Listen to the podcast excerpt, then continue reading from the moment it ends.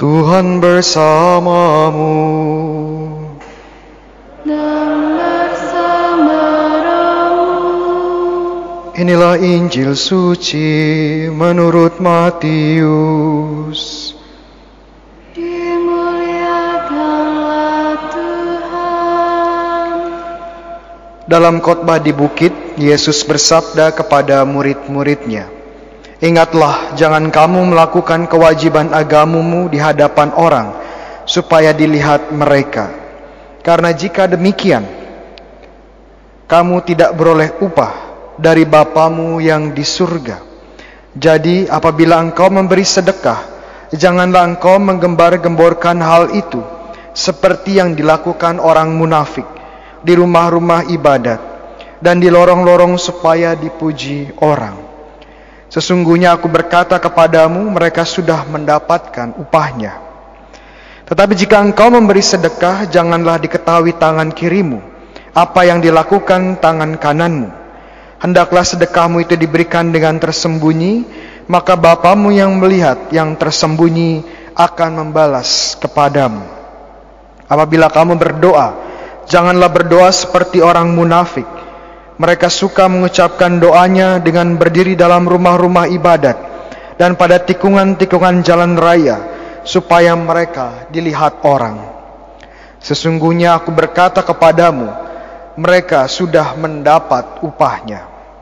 Tetapi jika engkau berdoa, masuklah ke dalam kamarmu, tutuplah pintu dan berdoalah kepada Bapa yang ada di tempat yang tersembunyi. Dengan demikian Bapamu yang melihat yang tersembunyi akan membalasnya kepadamu. Apabila kamu berpuasa, janganlah muram mukamu seperti orang munafik. Mereka mengubah air mukanya supaya orang melihat bahwa mereka sedang berpuasa. Sesungguhnya aku berkata kepadamu, mereka sudah mendapatkan upahnya. Tetapi apabila engkau berpuasa, minyakilah kepalamu dan cucilah mukamu, supaya jangan dilihat oleh orang bahwa engkau sedang berpuasa, melainkan hanya oleh Bapamu yang ada di tempat yang tersembunyi. Maka Bapamu yang melihat yang tersembunyi akan membalasnya kepadamu. Demikianlah Injil Tuhan.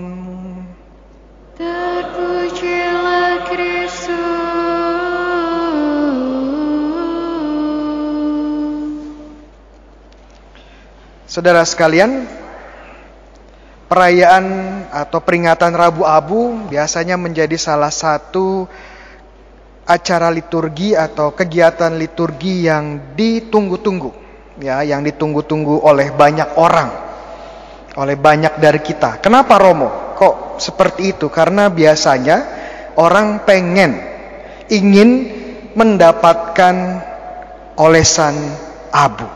Karena ini kegiatan liturgi yang berbeda ya, yang berbeda dari misa-misa biasanya.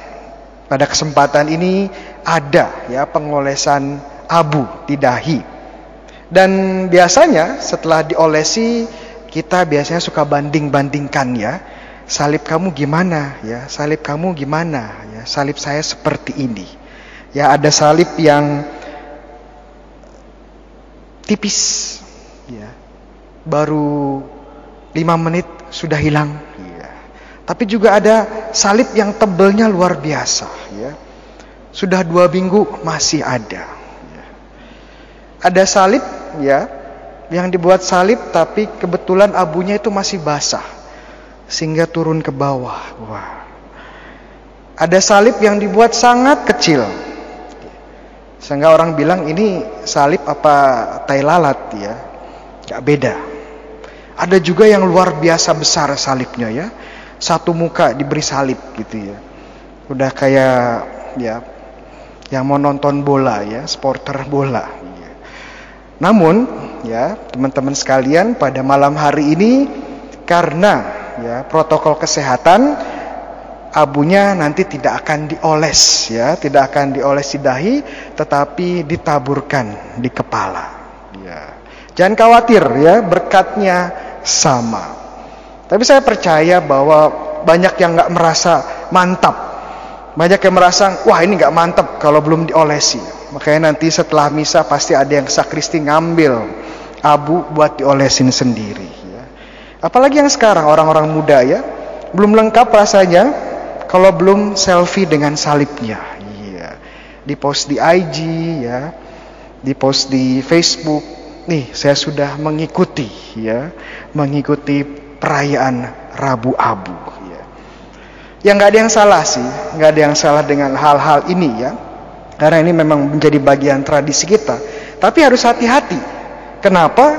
Karena jangan-jangan kita kehilangan makna yang sejati dari peringatan ini. Rabu Abu itu sebenarnya apa sih? Rabu Abu sebenarnya adalah dimulainya masa Prapaskah.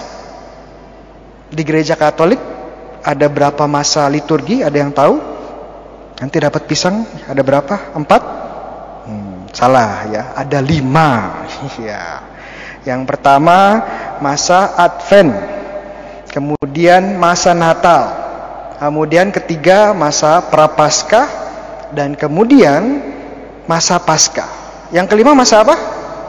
Iya, masa biasa. Ini biasa yang paling panjang ya. Jadi ada masa-masa liturgi dan secara khusus sekarang kita memulai dengan Rabu Abu ini masa Prapaskah. Kalau kita bandingkan kata Prapaskah dengan bahasa-bahasa yang lain sebagai contoh dalam bahasa Inggris, dalam bahasa Inggris masa ini disebut sebagai Lent ya, Lenten season ya. Lent itu bahasa kuno Inggris yang artinya musim semi. Kenapa? Karena di Eropa sana uh, masa prapaskah jatuhnya pada musim semi. Dalam bahasa Latin disebut sebagai quadragesima. Quadragesima itu artinya 40. Menandakan bahwa peringatan masa prapaskah itu 40 hari. Nanti coba dihitung ya, coba dihitung. Nanti setelah dihitung, roh Romo ternyata kalau saya hitung-hitung lebih dari 40 hari. iya, karena harus dihitung juga dengan plus 6 hari minggunya. Ya, jadi lebih dari 40 hari sebenarnya. Ya. Nah, dalam bahasa Indonesia disebut apa? Yang paling keren di antara segalanya? Ya, masa prapaskah. Iya, masa prapaskah. Jadi yang lain Lenten season, quadragesima, bahasa Indonesia ya, paling kreatif prapaskah. Iya. Dan sebenarnya dari kata prapaskah sendiri kita sudah bisa mendapatkan inti tujuan dari masa ini. Masa ini adalah masa prapaskah. Masa mempersiapkan diri untuk paskah. Masa ini nggak ada kalau nggak ada masa paskah. Lah Romo, paskah ada apa? Nah, jangan sampai lupa ya. Masa Paskah atau hari raya Paskah itu memperingati apa? Jangan sampai lupa. Memperingati apa? Sengsara, wafat dan kebangkitan. Ya, jadi kita merayakan Paskah, merayakan misteri puncak keselamatan kita. Kita ditebus, kita diselamatkan karena Yesus menderita, wafat dan bangkit. Itu puncak ya. Dan untuk mempersiapkan hal ini, maka dibuatlah atau diciptakan masa di mana kita mempersiapkan ya masa prapaskah, mempersiapkan misteri agung ini. Namun yang menjadi pertanyaan lebih unik adalah kalau ini adalah persiapan Paskah, kenapa ya spirit atau semangat prapaskah itu adalah pertobatan? Apa hubungannya pertobatan dengan masa paskah Romo? Ya. Iya ya. Apa kira-kira hubungannya? ya, sebenarnya pertobatan ini ada yang lebih dalam lagi akarnya, ya. Yang lebih dalam lagi adalah akarnya semangat pembaptisan. Semangat pembaptisan. Kenapa? Karena pembaptisan, ya acara pembaptisan atau sakramen pembaptisan sejak dari tradisi gereja paling kuno itu acara pembaptisan biasanya dilakukan saat kapan? Malam Paskah. Malam Paskah. Kenapa? Karena ini menjadi simbol ya menjadi simbol bahwa manusia yang lama ikut mati bersama Yesus. Dan manusia yang baru dari pembaptisan lahir bersama Yesus yang bangkit. Itu simbolismenya bahwa kita dilahirkan kembali menjadi manusia baru. Sekarang pertanyaannya, loh, apa hubungannya masa semangat pembaptisan dengan semangat pertobatan, Romo? Kok nggak kelihatan hubungannya dengan jelas? Hubungannya begini, apa yang terjadi dalam pembaptisan itu kan sudah saya sebutkan bahwa kita dalam pembaptisan hidup lama ditinggalkan dan kita memulai baru ya, hidup yang baru bersama Tuhan. Hidup lama ditinggalkan, hidup baru dimulai bersama Tuhan. Dan sebenarnya ya, kata pertobatan ya artinya itu. Kata pertobatan dalam bahasa Yunani, ya, ya. Mumpung saya bisa ya. Artinya metanoia ya. Kata metanoia itu meta perubahan noia nus pikiran, perubahan pola pikir. Yang dulunya pola pikirnya hidup dalam dosa, sekarang hidup dalam Tuhan. Jadi esensi baptis yaitu adalah pertobatan. Jadi kita lihat ya, masa prapaskah itu menjadi masa yang intens buat persiapan baptis bagi mereka yang belum baptis, yang mempersiapkan diri untuk baptis yang disebut sebagai katekumen. Ya orang yang mengikuti proses katekumen, ya. Nah, bagi kita yang sudah dibaptis bagaimana? Ya diingatkan kembali akan semangat pembaptisan kita. Bahwa kita dipanggil kembali untuk meninggalkan hidup lama dan kembali lagi kepada Yesus. Itu kenapa kita diolesi oleh abu. ya. Kenapa abu? Karena kita diingatkan siapa diri kita.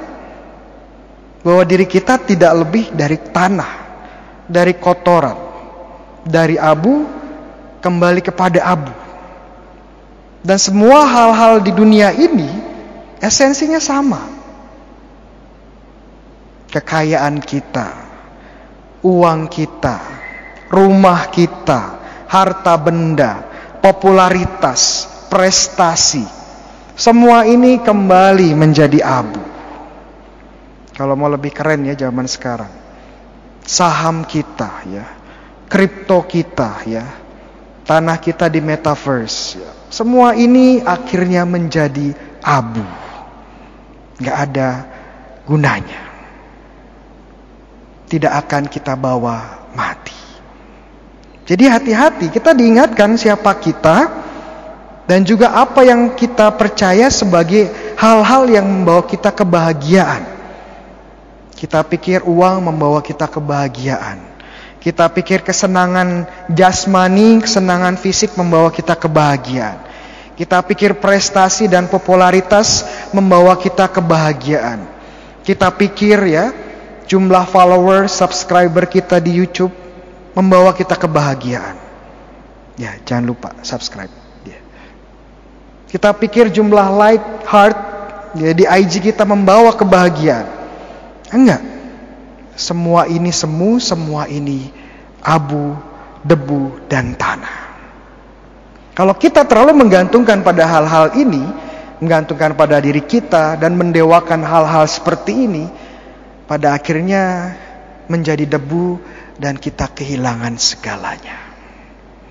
Makanya Tuhan mengingatkan kembali, ya gereja mengingatkan kembali dengan mengoleskan dan menaburkan debu, menaburkan tanah, menaburkan lumpur, agar kita diingatkan siapa diri kita dan kepada siapa sebenarnya kita harus berharap. Sekali lagi kita diingatkan, ya Jangan sampai ya debu di kepala kita, abu di kepala kita hanya sekedar untuk cari sensasi, sekedar pamer ya, sekedar untuk dipost di IG ya, di TikTok apalagi ya. Tidak. Ini menjadi peringatan buat kita bahwa semua yang ada di sini sia-sia. Abu tanah tanpa Yesus. Amin.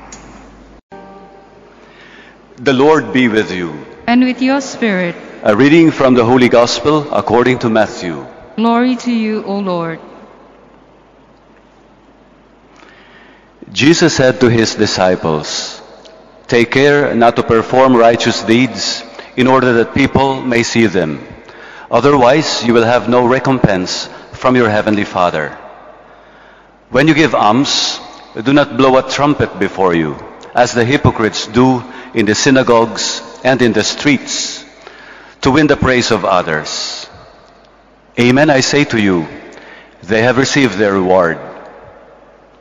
But when you give alms, do not let your left hand know what your right hand is doing, so that your almsgiving may be secret. And your Father, who sees in secret, will repay you. When you pray, do not be like the hypocrites who love to stand and pray in the synagogues and on street corners so that others may see them. Amen, I say to you, they have received their reward. But when you pray, go to your inner room, close the door, and pray to your Father in secret. And your Father who sees in secret will repay you. When you fast, do not look gloomy like the hypocrites. They neglect their appearance so that they may appear to others to be fasting. Amen, I say to you, they have received their reward. But when you fast, anoint your head and wash your face, so that you may not appear to be fasting, except to your Father who is hidden. And your Father who sees what is hidden will repay you. The Gospel of the Lord. Praise to you, Lord Jesus Christ. Please be seated. Good afternoon, dear friends. When I arrived here in Surabaya a few days ago, after the morning mass, there was a ritual uh, there at the back of the church. We burned the palms to be used for today, for Ash Wednesday, to be sprinkled on the heads of the faithful. So there was a fire, a little fire, at the back of the church. I wanted to start our reflections for this afternoon of Ash Wednesday by using fire. And I'm going to tell you some stories. I have been working in a university all throughout my priestly ministry, except now. So one time there was a fire in the university, and this was a fire in our college building, and it raised the entire building. That means to say, that included all the materials, all the books, computers, all the teaching tools used by the professors to teach. That night when I saw it on TV, I could not sleep. I could not sleep thinking of how things would be after the fire. There will be nothing. So instead of sleeping that night, I gathered all my books and put them in boxes. And the next day, I drove to the university to start donating the books. I was not alone.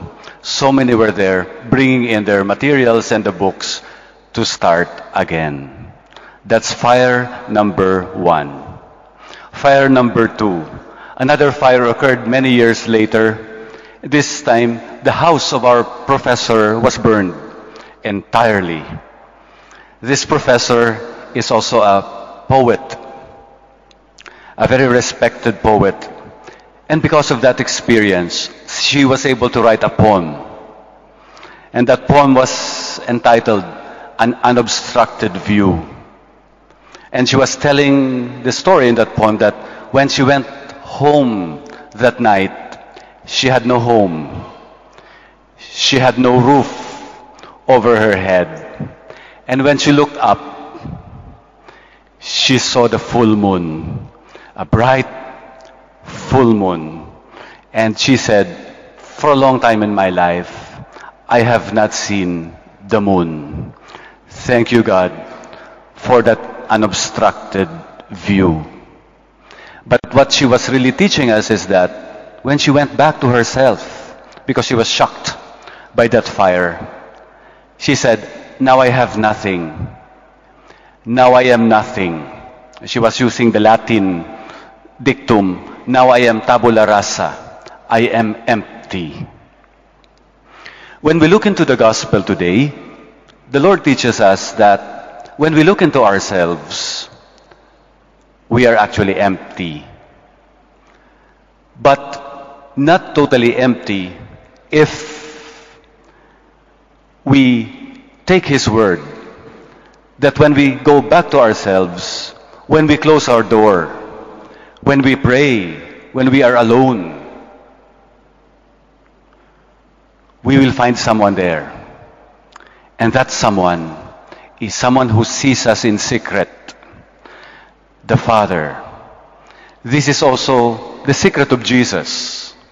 Why? After doing so many things for so many people, he would retire by himself.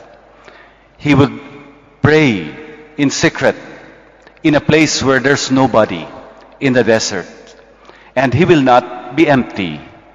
He will not be totally alone because he will meet the Father. This is the fire that consumes Jesus. This is the fire that consumes all of us too. If you notice in the liturgy, there are uses of the fire. When we begin Ash Wednesday, there was a fire to burn the pumps. When we gather together for Easter Sunday, there will be a blessing of a new fire. Blessing of a new fire. The church will be totally dark. And that new fire will start the new light that will burn throughout the year. And later on, after Easter, we will celebrate Pentecost. The Holy Spirit comes to us like fire. Like fire. It does not sit on our heads because it will burn our hair. The fire enters the heart. And that is what keeps us strong. That is what keeps us burning.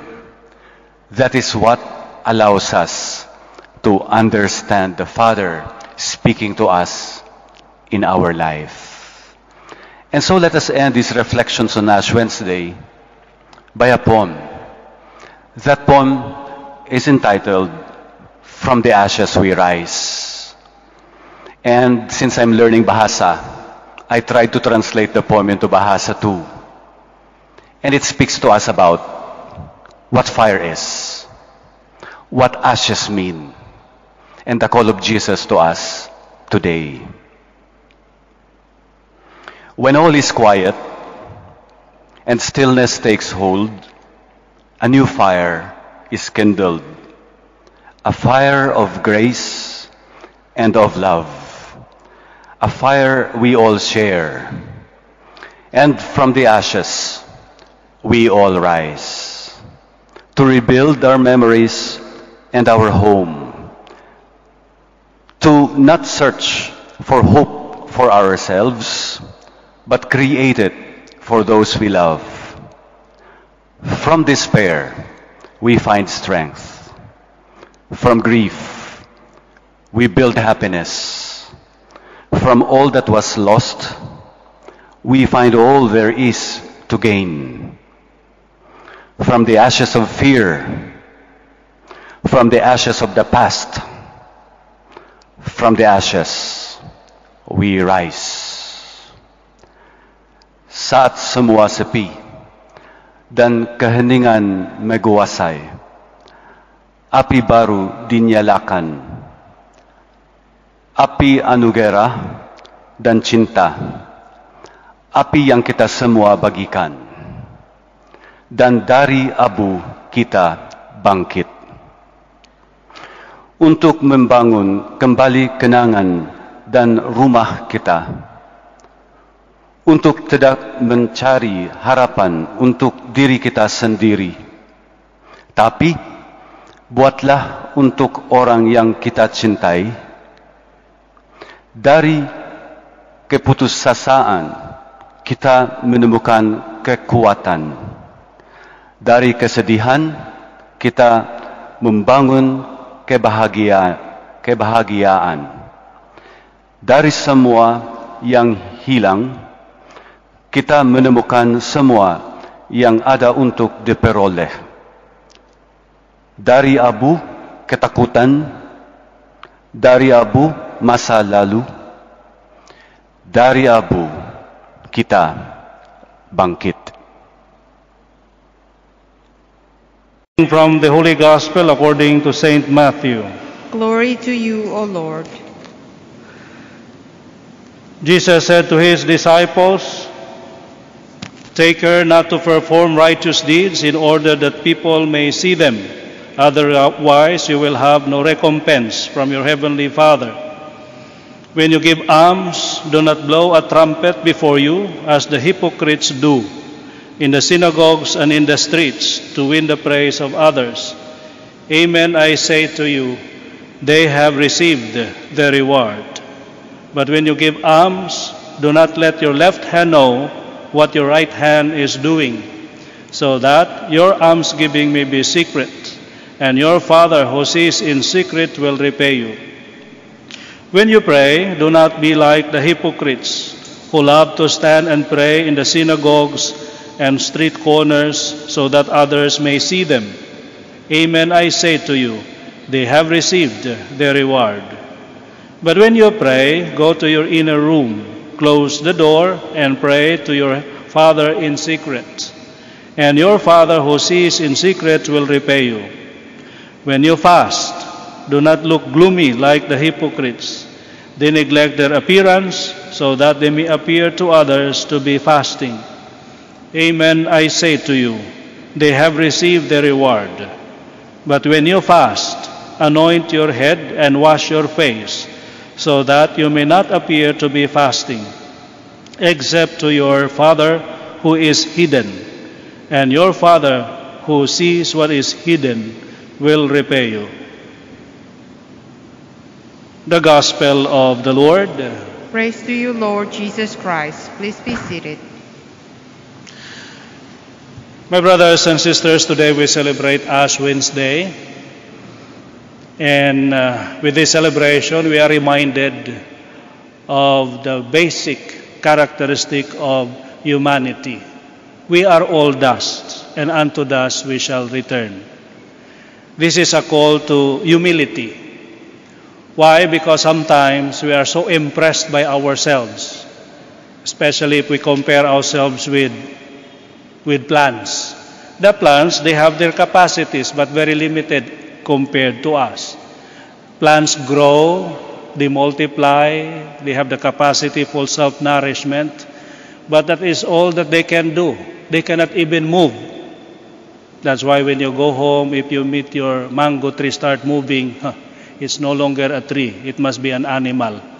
Because that's the nature of animals. They have uh, greater capacities. What are the capacities of animals? They can move and they have senses. They can hear, yeah, produce sounds, they can smell. So the animals can do that, which the plants cannot. Whereas human beings, we can also do those things that plants and animals can do, but more than that, because we don't simply feel, we also think. That's why we are capable of understanding and making decisions, making decisions, choices.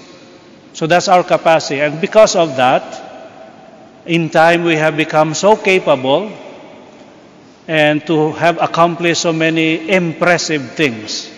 Then we become proud. Proud to the extent that when we are so successful, we forget about God. And we forget that there is limit to everything, there is end to everything. For those, yeah, normally 70 years, and for those who are strong, 80.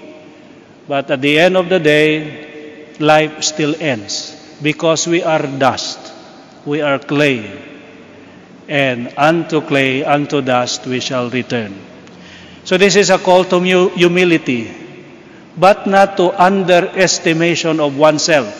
We don't belittle ourselves, or we, we don't make this as an excuse. for doing less.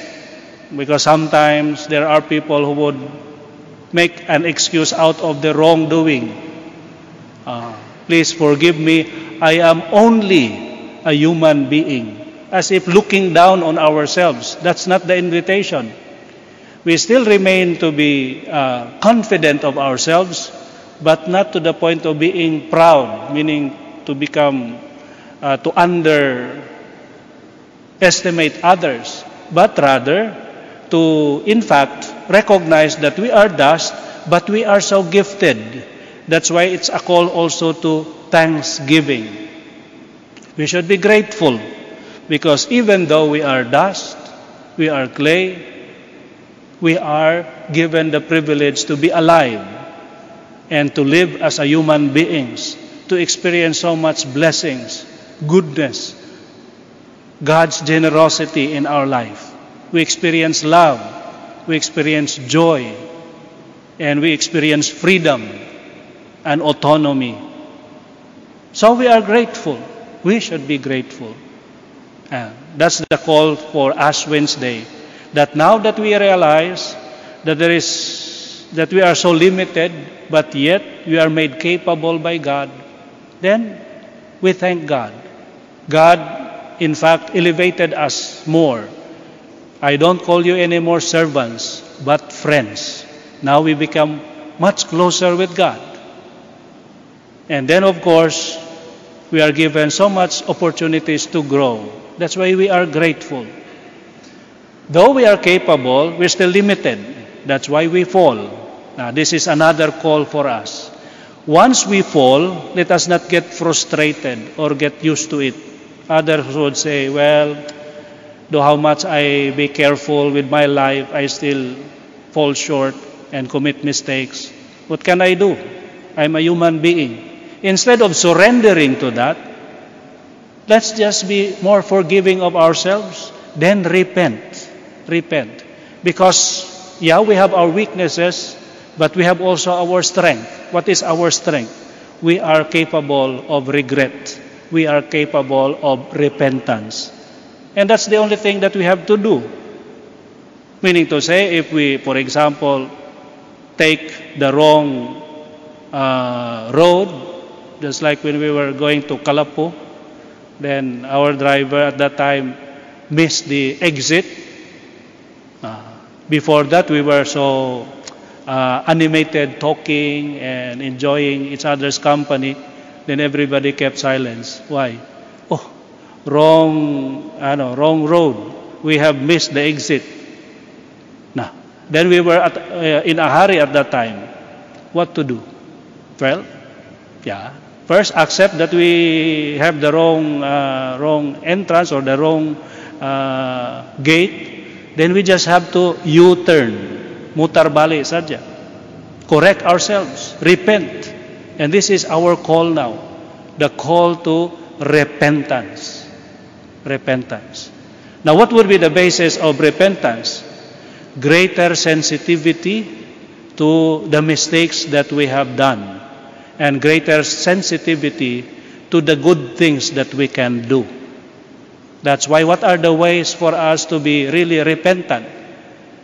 Fasting, abstinence, and confession, prayer.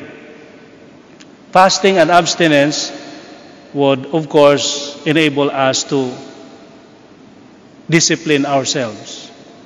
Because sometimes, without us knowing, we just allow ourselves to be guided or to be directed by our feelings, by our desires. So, this is a call for us to intentionally control ourselves, our desires, our longings, so that we will not be so blindly uh, directed by our feelings, by our longings. For example, we know that there are food that are not healthy, and that's why we should refrain from them. But when we are hungry and we are down, we would like we, we cannot control ourselves. And that's why we do harm to ourselves.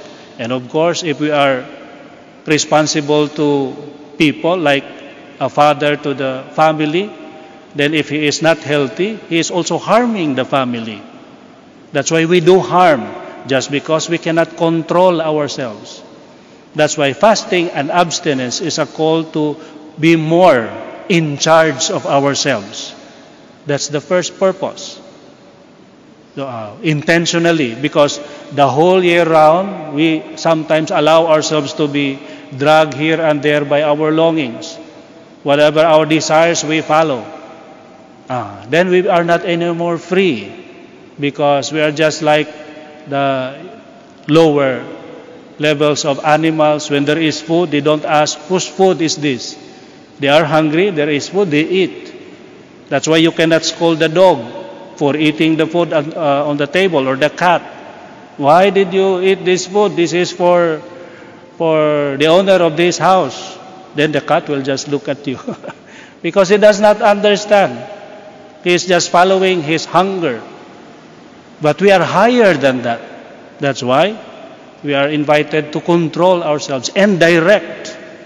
Direct. That's why uh, it's not enough that we control ourselves. We also control, meaning to say, uh, feel, feel or know deeper the predicament of others. Sometimes when we are living in abundance, we forget or we are not sensitive to the fact that there are other people who are in so much need in their lives, in need of food, clothing, shelter, basic, basic things. So there is story of a younger boy who used to stand in front of a store and waiting for customers to come to return the bottles of soft drinks. Why would he wait for them?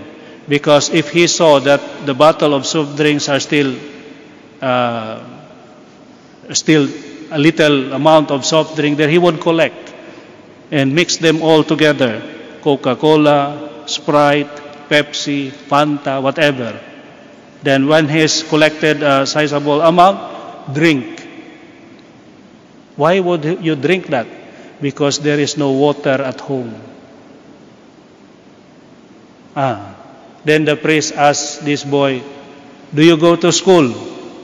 Yeah, before I go to school, but now no more. Why? I am ashamed. Why are you ashamed?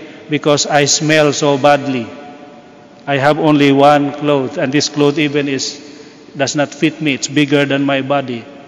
But I have no other clothes. And I smell because there's no water at home to, for me to take a bath. There are people who are living this way, months without taking a bath. So they feel so itchy, but there's nothing much that they can do. That's why in that parish, San Lorenzo Ruiz Parish, the parish priest put up a shower room, at least for people to come and enjoy, enjoy taking a bath there. For them, it's a luxury.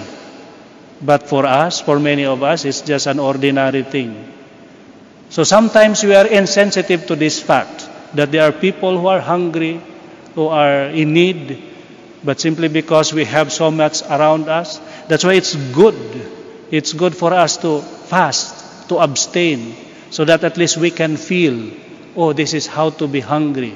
And hopefully, we can relate, we can connect with our brothers and sisters. If this is how, how much it feels to be hungry, when I simply fast for one meal, two meals, what about those who every day are deprived of their basic meals or food? or drink, clothing, shelter. They are already hungry, but they are outside, living without proper shelter. Ah.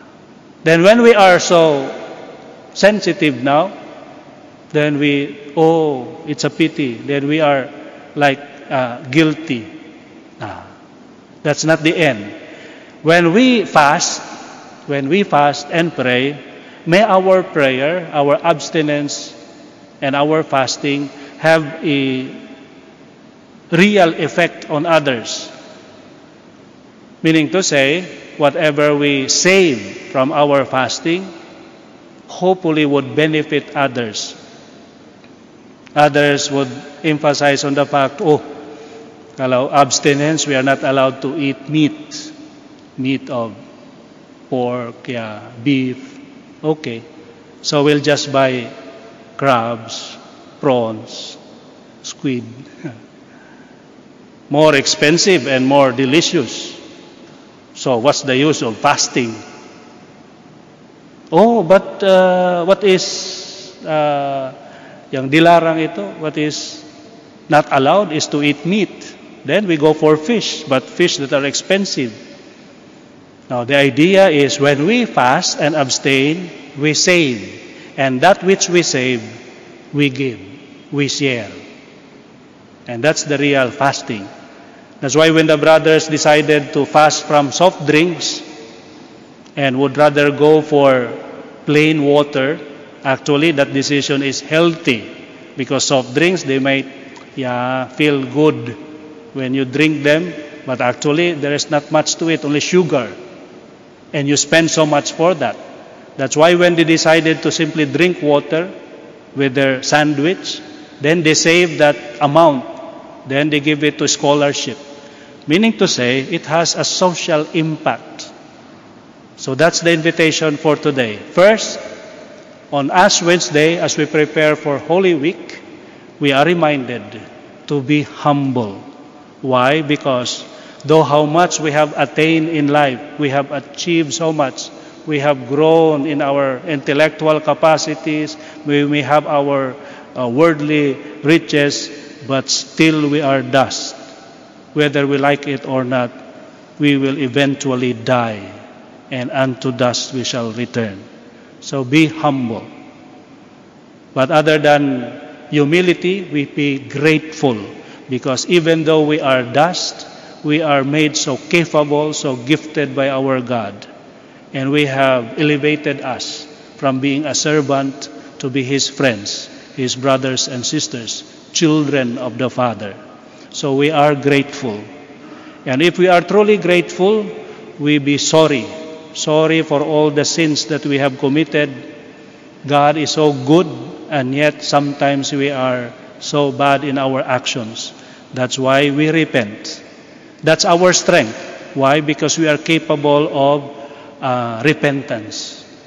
And as we repent, we now serve. How can we serve others? By doing fasting and abstinence. First, we control ourselves.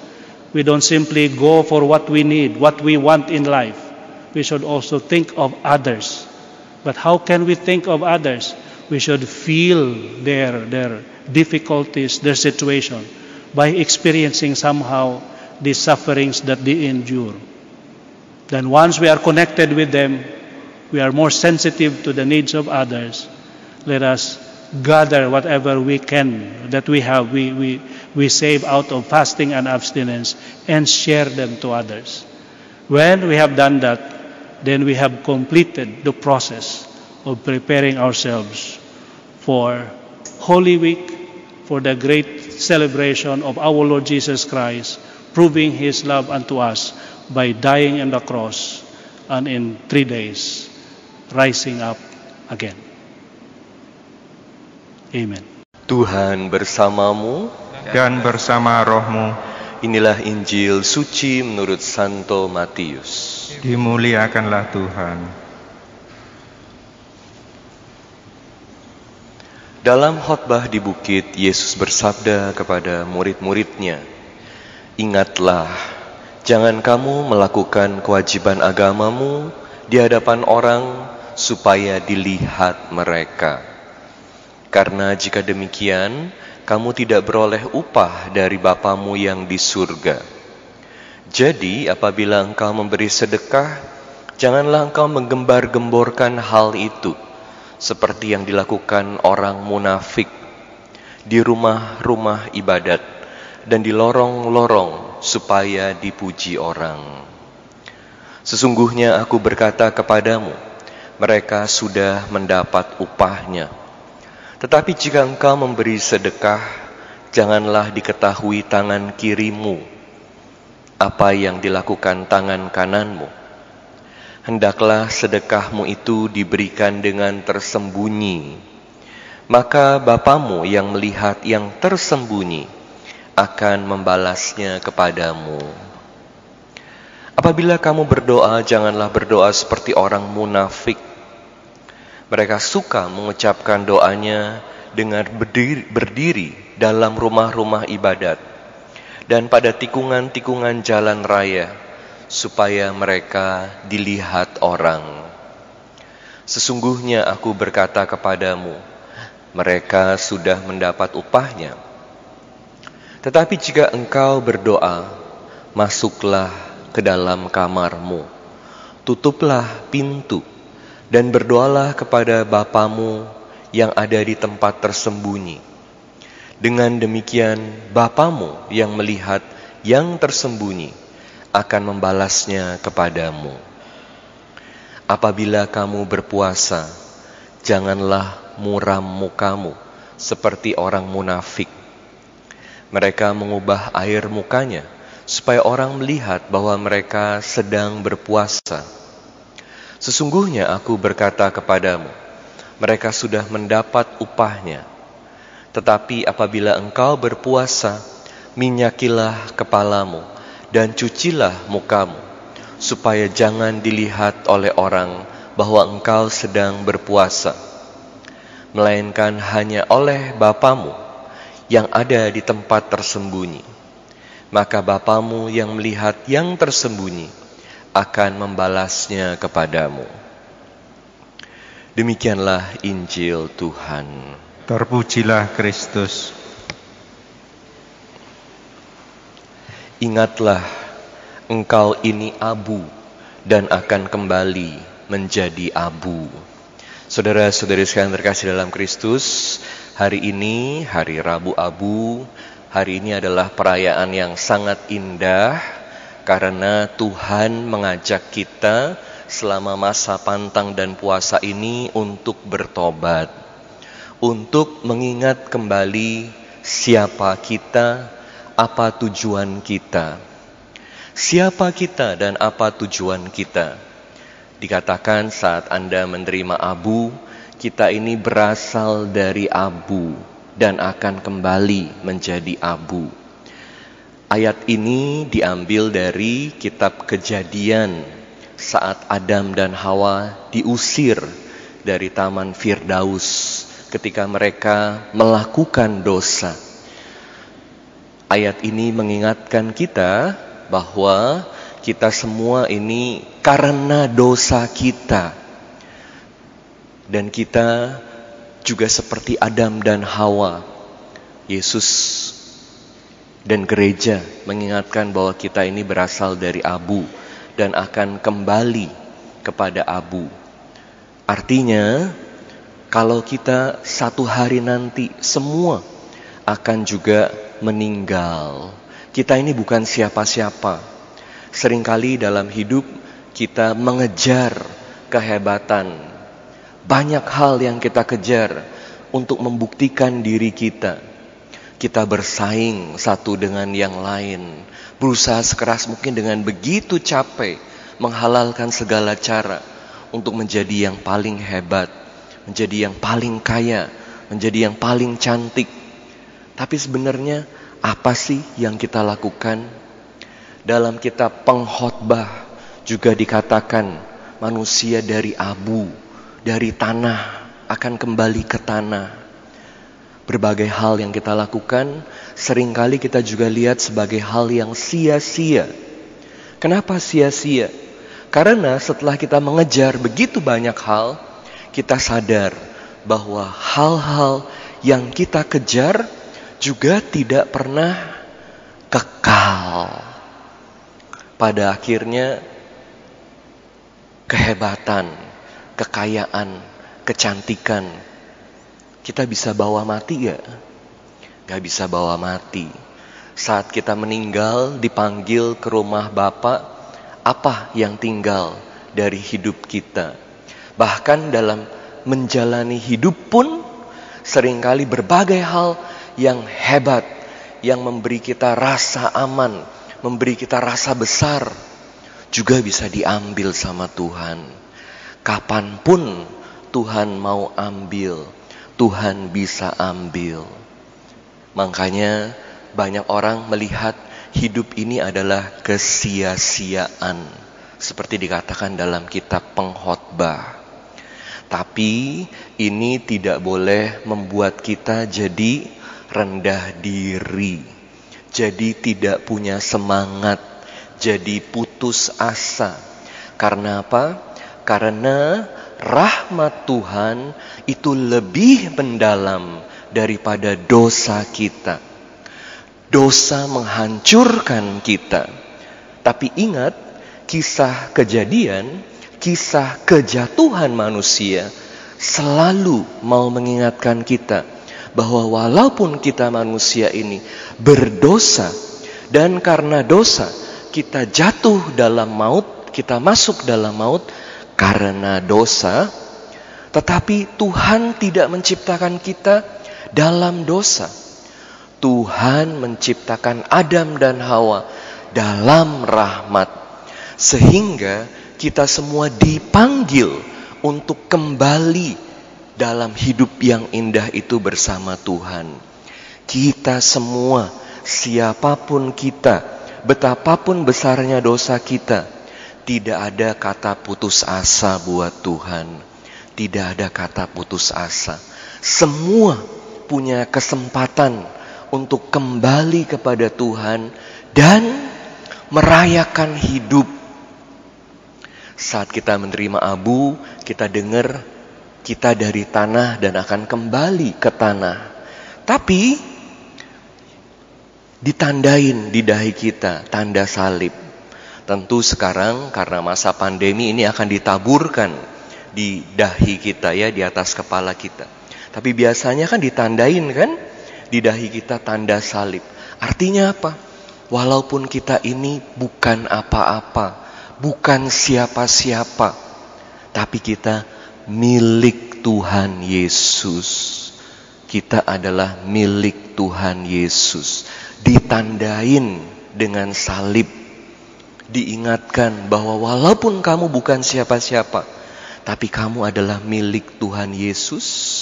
Jadi Tuhan Yesus yang akan menjaga kita, yang akan memulihkan kita, yang akan menyelamatkan kita. Mau gak buka hati terhadap rahmat Tuhan? Perayaan ini mengingatkan kita bahwa kita semua diciptakan dalam rahmat dan akan kembali kepada rahmat Tuhan melalui Kristus. Perayaan ini mengingatkan kita bahwa pertobatan selalu mungkin. Manusia bisa bilang tidak mungkin dia bertobat. Tidak mungkin dia bisa punya hidup baik. Hidupnya sangat gelap. Buat Tuhan tidak ada yang tidak mungkin. Makanya perayaan ini adalah perayaan yang sangat indah karena siapa pun Anda, Anda semua dipanggil pada pertobatan. Dan saat kita pantang dan puasa selama 40 hari ini, makanya kita harus menekankan hubungan dengan Tuhan, hati kita, bukan luarnya yang indah. Karena kalau hanya cari pujian, itu sia-sia, kelihatan hebat sama orang lain, sama manusia. Luarnya aja yang hebat, tapi hatinya tidak diperhatikan. Makanya gereja mengajak kita semua dengan bacaan Injil ini selama masa pantang dan puasa secara eksternal kita melakukan hal-hal yang baik, kita berpuasa, kita beramal, kita berdoa, bukan untuk dilihat orang, tapi pertama-tama untuk mengarahkan hati kita kembali kepada Tuhan. Kita berasal dari abu dan akan kembali kepada abu. Tapi syukur pada Tuhan, kita semua adalah milik Tuhan dan bersama Kristus kita semua akan diselamatkan. Tuhan bersamamu dan bersama rohmu. Inilah Injil suci menurut Santo Matius. Dimuliakanlah Tuhan. Dalam khotbah di bukit, Yesus bersabda kepada murid-muridnya, Ingatlah, jangan kamu melakukan kewajiban agamamu di hadapan orang supaya dilihat mereka. Karena jika demikian, kamu tidak beroleh upah dari Bapamu yang di surga. Jadi, apabila engkau memberi sedekah, janganlah engkau menggambarkan-gamburkan hal itu seperti yang dilakukan orang munafik di rumah-rumah ibadat dan di lorong-lorong supaya dipuji orang. Sesungguhnya aku berkata kepadamu, mereka sudah mendapat upahnya. Tetapi jika engkau memberi sedekah, janganlah diketahui tangan kirimu apa yang dilakukan tangan kananmu. Hendaklah sedekahmu itu diberikan dengan tersembunyi. Maka Bapamu yang melihat yang tersembunyi akan membalasnya kepadamu. Apabila kamu berdoa, janganlah berdoa seperti orang munafik. Mereka suka mengucapkan doanya dengan berdiri dalam rumah-rumah ibadat dan pada tikungan-tikungan jalan raya supaya mereka dilihat orang. Sesungguhnya aku berkata kepadamu, mereka sudah mendapat upahnya. Tetapi jika engkau berdoa, masuklah ke dalam kamarmu, tutuplah pintu dan berdoalah kepada Bapamu yang ada di tempat tersembunyi. Dengan demikian, Bapamu yang melihat yang tersembunyi akan membalasnya kepadamu. Apabila kamu berpuasa, jangan muram mukamu seperti orang munafik. Mereka mengubah air mukanya supaya orang melihat bahwa mereka sedang berpuasa. Sesungguhnya aku berkata kepadamu, mereka sudah mendapat upahnya. Tetapi apabila engkau berpuasa, minyakilah kepalamu dan uh, cucilah mukamu, supaya jangan dilihat oleh orang bahwa engkau sedang berpuasa, melainkan hanya oleh Bapamu yang ada di tempat tersembunyi. Maka Bapamu yang melihat yang tersembunyi akan membalasnya kepadamu. Demikianlah sabda Tuhan. Terpujilah Kristus.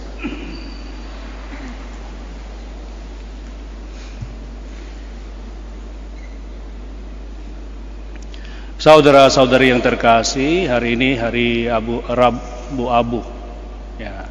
Kita diingatkan bahwa bagaimanapun kesuksesan kita, talenta kita, kemewahan hidup kita tetap kita abu dan kembalilah nanti kepada abu. Jadi ini kita diingatkan untuk tetap rendah hati. Rendah hati karena kita itu saja abu. Tapi tapi bukan rendah diri karena ada yang memakai itu sebagai alasan mengapa sering kali melakukan hal yang enggak pas, yang enggak jahat atau uh, salah. Oh mohon maaf saya hanya manusia. Nah, mengapa kita enggak bisa memakai itu sebagai alasan untuk merendahkan diri kita? Karena kita sudah diselamatkan kok. Maksudnya tetap kita abu tapi dikasih hidup yang luar biasa dan kita sudah dibikin uh, kasih peluang untuk benar-benar maju jadi selain rendah hati kita tetap bersyukur uh, karena kita benar-benar uh, dikasih peluang kesempatan kemampuan untuk maju berkembang tapi jangan sampai kalau kita sudah berkembang menjadi sombong. Jadi rendah hati dan bersyukur. Berterima terima kasihlah kepada Tuhan, kepada Allah kita yang sudah memampukan kita dan sudah uh, kasih kemungkinan supaya kita bisa berkembang, bertumbuh menjadi bukan hambanya lagi tapi sahabat atau saudaranya Nah, dengan rasa syukur ini kita bisa benar-benar uh, mengembangkan diri dan kita maju ke depan. Nah, dengan cara apa? Kalau ada yang memberi kita sesuatu, katakanlah makanan, dan kita bersyukur. Wah, terima kasih sudah dapat makanan ini. Lalu kita ditanyain, uh, enak atau tidak? Nah, ada yang bilang enak, tapi ternyata makanan itu terbuang, hmm, terbuang karena mungkin lupa dan sampai busuk. Nah, jadi yang uh, dia berterima kasih tetap, tapi yang dikasih itu terbuang. Jadi itu omong-omong kosong saja. Kalau kita benar-benar bersyukur kepada Tuhan, kita harus memakai hidup kita dengan tepat dan dengan sempurna. Maksudnya dipakai, digunakan, kita berusaha menggunakan hidup kita secara maksimal, secara maksimal. Pertama, ya kita harus ingat selalu nah, bahwa hidup ini hadiah, anugerah dari Tuhan. Jadi jangan sampai kita uh, membuangkan itu dan tersia-sia hidup kita. Nah pertanyaan sekarang bagaimana kita uh, bikin hidup kita ini menjadi berkat. Ada satu peribahasa bahwa setiap kita minum air uh, bagus sekali kalau kita selalu ingat sumbernya, sumbernya. Jadi apa pun yang kita terima dari Tuhan, hidup kita, talenta kita, kesehatan kita dan segalanya, uh, selain kita merasa aman, nyaman saja, kita harus ingat sumbernya, Tuhan atau orang tua kita pertama kali.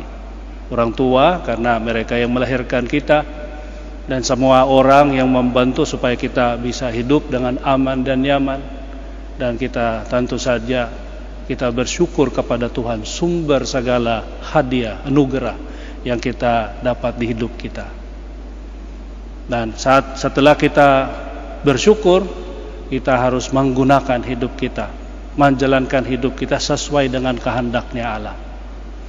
Tetapi ya sebagai manusia tetap kita punya kelemahan bukan sebagai alasan tapi sebagai penjelasan saja bahwa ya kita bisa masih bisa jatuh tapi ada cara keluarnya bagaimana bertobatlah jadi saat kita mulai musim prapaskah ini ah, kita juga selain kita diingatkan menjadi rendah hati, bersyukur kepada Tuhan dan langkah besar supaya kita benar-benar menyukuri Tuhan ini adalah bertobat. Bertobatlah. Hmm. Ini kelebihan kita se se sebenarnya sebagai manusia. Karena uh, kalau malaikat ya ada yang mengatakan mereka sudah tahu semuanya. Karena itu mereka gak bisa menyesal. Tapi kalau manusia kita punya kelemahan bahwa kita gak bisa melihat semuanya. Seringkali kita salah paham. Tapi itu eh, kelemahan tapi menjadi kelebihan. Karena ini menjadi alasan supaya kita bisa bertobat. Maksudnya menyesal dan uh, bertobatlah. Uh, seperti mutar balik. Kalau salah ambil jalurnya dan kita akhirnya sadar nah jangan putus asa. Mutar baliklah. Nah, kita bertobatlah. Dan Tuhan juga sangat memahami ini uh, di atas salib itu dia sudah mengampuni dosa kita Bapak ampunilah kesalahan mereka karena mereka tidak tahu apa yang mereka lakukan jadi kalau kita sudah menyadari bahwa yang kita lakukan itu benar-benar gak uh, gak baik, gak bagus, bertobatlah. Nah, bagaimana kita bisa benar-benar bertobat? Ya, kita ada uh, langkah-langkah uh, lain. Yang pertama adalah berpuasa dan berpantang. Kalau kita berpuasa, ada yang mengatakan uh, Rabu Abu itu uh, ada tanda salib di dahi kita, ada yang uh, anak muda dan ditanya temannya yang nggak Katolik, apa yang ada di dahi kamu? Oh itu salib, karena Rabu Abu. Oh Rabu Abu itu apa? Oh itu waktu untuk kami diet, da, diet, uh, diet. Ya boleh saja, uh, karena diet itu bagus juga. Tapi selain diet, diet itu benar-benar kita uh, berusaha supaya bisa uh, mengendalikan diri. Karena kalau sudah terbiasa makan terus, nggak nggak ada uh, anunya, uh, nggak mengalula atau mengendalikan diri, kita ikut-ikutan saja nafsu kita atau perasaan kita. Kalau lapar makan. Tapi kalau kita benar-benar anu uh, sangaja itu itu sebagai latihan untuk kita bisa mengalula, mengendalikan diri. Tapi selain itu, kita juga bisa merasakan uh, secara nyata apa yang dirasakan banyak orang. Orang yang kelaparan. Mungkin ya buat kita banyak yang ada di sini nggak sampai nggak bisa makan uh, sehari. Mungkin, uh, mungkin masih ada yang bisa makan tiga kali uh, setiap hari. Tapi ada saudara-saudari kita yang sangat uh, gak mampu dalam hidup mereka sampai maka makanan saja gak bisa, gak punya. Ya, saya sering ingat ada yang ibu yang memotong jari anaknya hmm, dipotong itu. Dan yang pariwisata yang berada di sana tanya, "Bu, mengapa? Mengapa motong jari anak?" Dan dia bilang, ibunya bilang supaya dia bisa hidup. Tambah bingung. Bagaimana dia bisa hidup sekarang? Jari-jarinya sudah terpotong. Oh, karena kami seorang pengemis.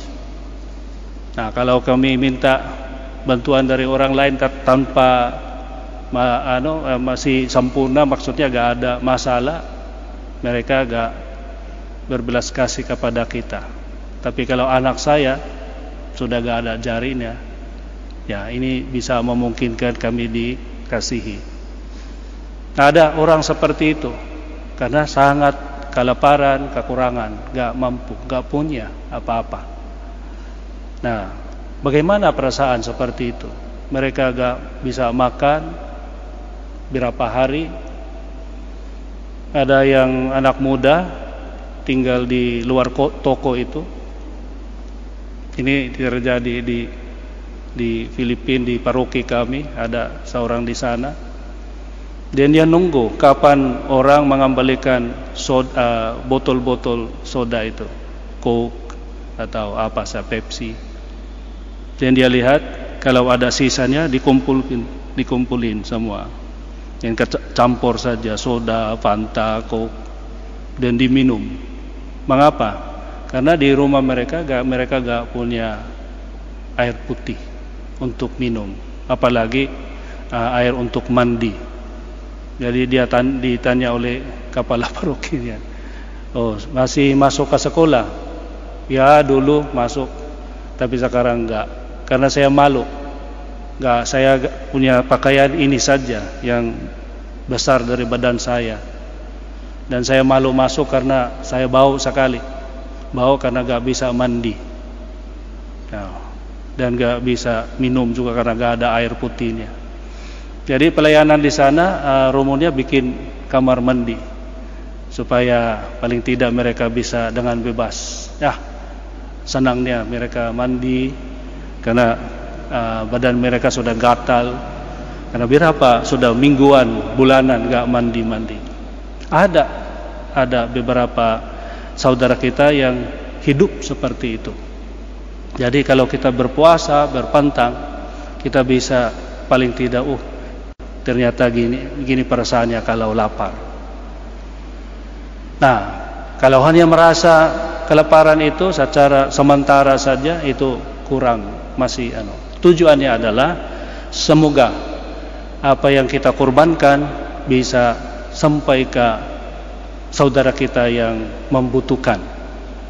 Contohnya para prater juga uh, sebagai tambah uh, apa ya yang mereka lakukan masa prapaskah ini mereka ya mengorbankan bagian mereka yang soal soft drinks itu. Mereka sudah punya apa ya yang hmm, budget atau biaya yang disediakan buat itu beli. Karena mereka punya snack ada sandwichnya dan ada buat uh, uh, soft drinks atau uh, soda. Dan mereka ambil keputusan bahwa selain soft drinks mereka minum air putih saja. Uh, dan biaya yang gak kepakai dikumpulkan dan dikasih kepada orang yang membutuhkan. Itu sedikit saja tapi ya lumayan. Maksudnya kalau kita berpuasa jangan sampai yang terjadi adalah lebih mahal. Mengapa? Oh, puasa itu atau uh, pantang itu gak makan daging ya. Kalau begitu ya kepiting saja. kepiting dan uh, udang ya, lebih mahal. lebih mahal. Itu puasa dari daging. Tapi cumi ya itu nggak ngerti. Nggak ngerti. Bahwa puasa itu benar-benar kita mengendalikan diri untuk selalu ya ikut-ikutan saja perasaan kita. Dan apa yang tersimpan karena kita berkorban semoga orang yang membutuhkan dapat bantuan dari situ. Nah itu yang lebih lengkap nah, cara uh, puasa dan pantang. Nah, jangan hanya oke okay, kita puasa supaya lapar nanti kita mak bisa makan uh, menikmati makanannya. Nah itu hanya seperti strategi supaya lebih menikmati makanannya. Ini benar-benar pengorbanan. Kita korban supaya yang membutuhkan bisa dapat bantuan. Nah semoga ini yang terjadi supaya uh, cara persiapan kita buat pasca nanti uh, benar-benar uh, kita bukan hanya ingat tapi menjadi orang yang sudah bertobat dan sudah percaya kepada Injil dan kita lebih mengarahkan diri kita kepada Tuhan dan juga membawa orang lain. Bisa merasakan kehadirannya Tuhan di hidup mereka khususnya buat mereka yang sedang menjalani hidup yang susah, sulit dan banyak uh, masalah semoga mereka dapat bantuan. Paling tidak kebutuhan-kebutuhan yang dasar makanan, pakaian, tempat tinggal. Amin